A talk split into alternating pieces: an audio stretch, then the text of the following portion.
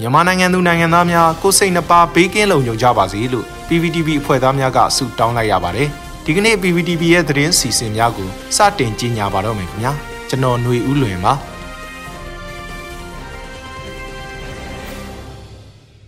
ပထမဆုံးအနေနဲ့ပြည်ထောင်စုလွှတ်တော်ကုစားပြုကော်မတီကကြေညာချက်အမှတ်31မြင်းဆောင်2021ကိုထုတ်ပြန်ကြေညာခဲ့တဲ့သတင်းကိုတင်ဆက်ပေးသွားမှာဖြစ်ပါတယ်။ ပြည်ထောင်စုသမ္မတမြန်မာနိုင်ငံတော်ပြည်ထောင်စုလွှတ်တော်ကုစားပြုကော်မတီကကြေညာချက်အမှတ်31မြင်းဆောင်2021ကို2021ခုနှစ်ဇွန်လ22ရက်နေ့မှာထုတ်ပြန်ကြေညာခဲ့ပါတယ်။အဆိုပါထုတ်ပြန်ကြေညာချက်အပြည့်အစုံမှာအမျိုးသားညီညွတ်ရေးအစိုးရအဖွဲ့ပြည်ထောင်စုဝန်ကြီးချုပ်မှ2021ခုနှစ်ဇွန်လ16ရက်နေ့တွင်ပြည်ထောင်စုလွှတ်တော်ကိုစားပြုကော်မတီသို့ဒုတိယသမ္မတအားယာယီသမ္မတ acting president အဖြစ်ပြောင်းလဲခေါ်ဝေါ်သုံးစွဲရန်တဝန်လာတစ်စောင်ပေးပို့လာပါသည် နိုင်ငံတော်သမ္မတကြီးဦးဝင်းမြင့်အားတရားမဝင်အာဏာသိမ်းအကြမ်းဖက်စစ်ကောင်စီကမတရားဖမ်းဆီးထားစဉ်အတွင်းဒုတိယသမ္မတကြီးကယာယီသမ္မတအနေဖြင့်ဆောင်ရွက်နေခြင်းဖြစ်သဖြင့်ယာယီသမ္မတ acting president အဖြစ်ခေါ်သုံးစွဲရန်အတည်ပြုထုတ်ပြန်ကြေညာလိုက်သည်21ရက်6လ2021 CRPH အစည်းအဝေးဆုံးဖြတ်ချက်အရပြည်ထောင်စုလွှတ်တော်ကုစားပြုကော်မတီလို့ထုတ်ပြန်ကြေညာလိုက်ပါတယ်ခင်ဗျာ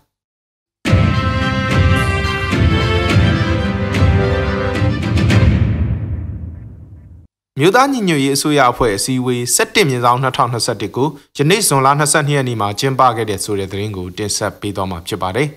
။မြို့သားညီညွတ်ရေးအစိုးရအဖွဲ့အစည်းအဝေး17မြင်းဆောင်2021ကိုယနေ့ဇွန်လ22ရက်နေ့မှာကျင်းပခဲ့ရာယာယီသမရဒူဝါလက်ရှိလပြည်ထောင်စုဝန်ကြီးချုပ်မန်းဝင်းခိုင်တဲ့ဝန်ကြီးများဒုဝန်ကြီးများတက်ရောက်ခဲ့ကြပါတယ်။အစည်းအဝေးမှာယာယီသမရနဲ့ပြည်ထောင်စုဝန်ကြီးချုပ်တို့ကအမှားစကားအသီးသီးပြောကြားကြရာယာယီသမရကြီးက ကပိနက်အစည်းအဝေးကြီးဟာနိုင်ငံတော်ရဲ့စီမံခန့်ခွဲတဲ့အဖွဲ့အစည်းမှာအမြင့်ဆုံးဖြစ်ကြောင်းဝန်ကြီးများသည်လည်းမိမိဌာနမှာစီမံခန့်ခွဲမှုအရာအမြင့်ဆုံးတာဝန်ထမ်းဆောင်နေသောပုဂ္ဂိုလ်များဖြစ်ကြောင်းအစိုးရအဖွဲ့မှတာဝန်ယူထမ်းဆောင်နေသူများအားလုံးဟာဖိနှိပ်ရန်ကားနေတဲ့စစ်ကောင်စီကိုဖြိုဖျက်ပြီးပြည်သူလူထုအာဏာပိုင်ဆိုသောအစိုးရတွေအဖြစ်ပြန်လည်တည်ဆောက်ရန်အတွက်နောက်ခံအတွေ့အကြုံမျိုးစုံမှစုယုံရောက်ရှိလာသူများဖြစ်သည်ဟုနားလည်ယုံကြည်ကြောင်းညာပြတဲ့လုပ်ငန်းတာဝန်များကိုစီမံခန့်ခွဲရမှာတိကျမှန်ကန်မြန်ဆန်တွက်လက်ဖို့ ဝိုင်းဝန်းဆွေးနွေးအဖြေရှာကြရန်လိုအပ်ကြောင်းပြောကြားခဲ့ပြီးပြည်ထောင်စုဝန်ကြီးချုပ်က85ကြိမ်မြောက်ကုလသမဂ္ဂအထွေထွေညီလာခံမှာမြန်မာနိုင်ငံအခြေအနေနဲ့ပတ်သက်သော resolution ကိုမဲခွဲဆုံးဖြတ်ခဲ့ရာ resolution ပါအကြောင်းအရာများဟာအလုံးစုံကျေနပ်စရာမဟုတ်ပေမဲ့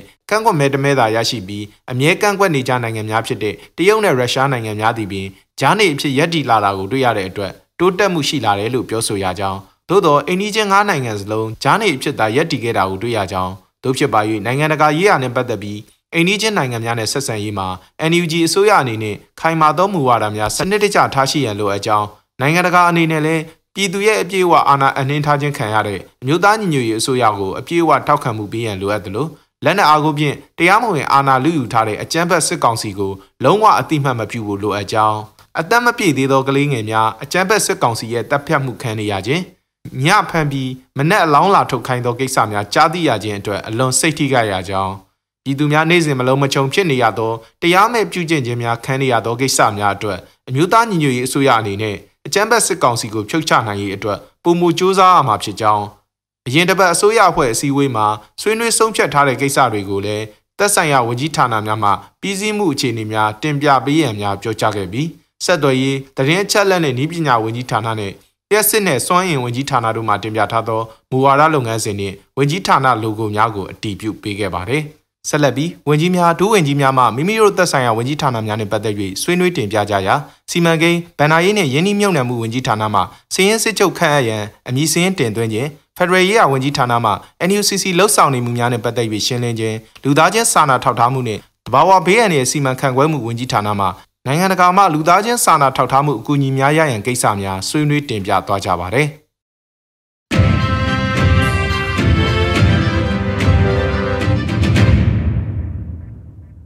ဆက်လက်ပြီး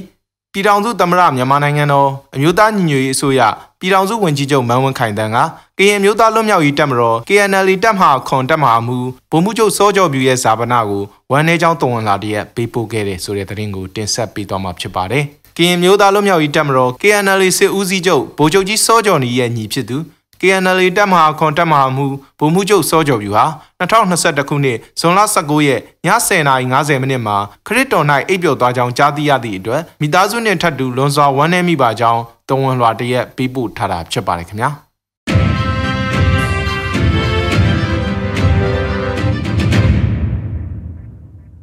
ဆက်လက်ပြီး အမျိုးသားညီညွတ်ရေးအစိုးရလျှက်စစ်နဲ့စွမ်းရင်ဝင်ကြီးဌာနကအမိန့်ကြေညာစာအမှတ်၄မြင်းဆောင်2021ကိုထုတ်ပြန်ခဲ့တဲ့သတင်းကိုတင်ဆက်ပေးသွားမှာဖြစ်ပါတယ်။အဆိုပါအမိန့်ကြေညာစာမှာပြည်ထောင်စုသမ္မတမြန်မာနိုင်ငံတော်အမျိုးသားညီညွတ်ရေးအစိုးရလျှက်စစ်နဲ့စွမ်းရင်ဝင်ကြီးဌာနဟာ COVID-19 ကပ်ရောဂါကြောင့်၎င်းအကြမ်းဖက်စစ်ကောင်စီရဲ့ဖိနှိပ်နှိပ်စက်မှုများကြောင့်၎င်းပြည်သူလူထုအပေါ်ဝန်တော့ဝန်ပိုးလျှော့ချစေရေးနဲ့တယံဇာတမှရရှိသောရန်ပုံငွေကိုအကြမ်းဖက်အဖွဲ့များထံမရောက်ရှိစေရေးအတွက် ဥပဒေပုံမှ15ပုံမှခွဲစလုံးအရာပေးဆောင်ရမယ်ရေနံအတွက်ပေးသွင်းရမယ်ခိုင်ကြီးနဲ့လောက်ကအတွက်မြေငှားရမ်းကများအားပေးဆက်ခြင်းအားကင်းလွတ်ခွင့်ပြုလိုက်ကြောင်း ရေနံတဘာဝတက်ငွေနှင့်အခြားတွင်းတဲ့ပစ္စည်းများတဘာဝတယံဇာတာများဟာပြည်ထောင်စုသားအလုံးနဲ့သက်ဆိုင်ပြီးပြည်내တိုင်းဒေသကြီးများဖွံ့ဖြိုးတိုးတက်ရေးအတွက်ခွဲဝေသုံးစွဲရမည်ဖြစ်တော်လေနိုင်ငံတော်အဆင့်စီးပွားဖြစ်ထုတ်ယူရန်မဖြစ်နိုင်သည့်ရေနံကိုဒေသဖွံ့ဖြိုးရေးအတွက်တွင်းနေများဖြင့်ထုတ်ယူပြုပြင်ရောင်းချခွင့်ပြုခဲ့ခြင်းဖြစ်ရာလုပ်ငန်းရှင်များအနေနဲ့သက်ဆိုင်ရာမြို့နယ်ပြည်သူ့အုပ်ချုပ်ရေးအဖွဲ့များနဲ့ဆက်သွယ်ကာဒေသဖွံ့ဖြိုးရေးပံ့ပိုးဆောင်ရွက်ကြရန်လုပ်ငန်းခွင်ဘေးအန္တရာယ်ကင်းရှင်းရေးနဲ့တဘာဝပတ်ဝန်းကျင်ထိခိုက်မှုအ ਨੇ ဆုံးဖြစ်စေရေးအထူးသတိပြုဆောင်ရွက်ကြရန်လည်း ကြေညာချက်မှာပါရှိပါတယ်။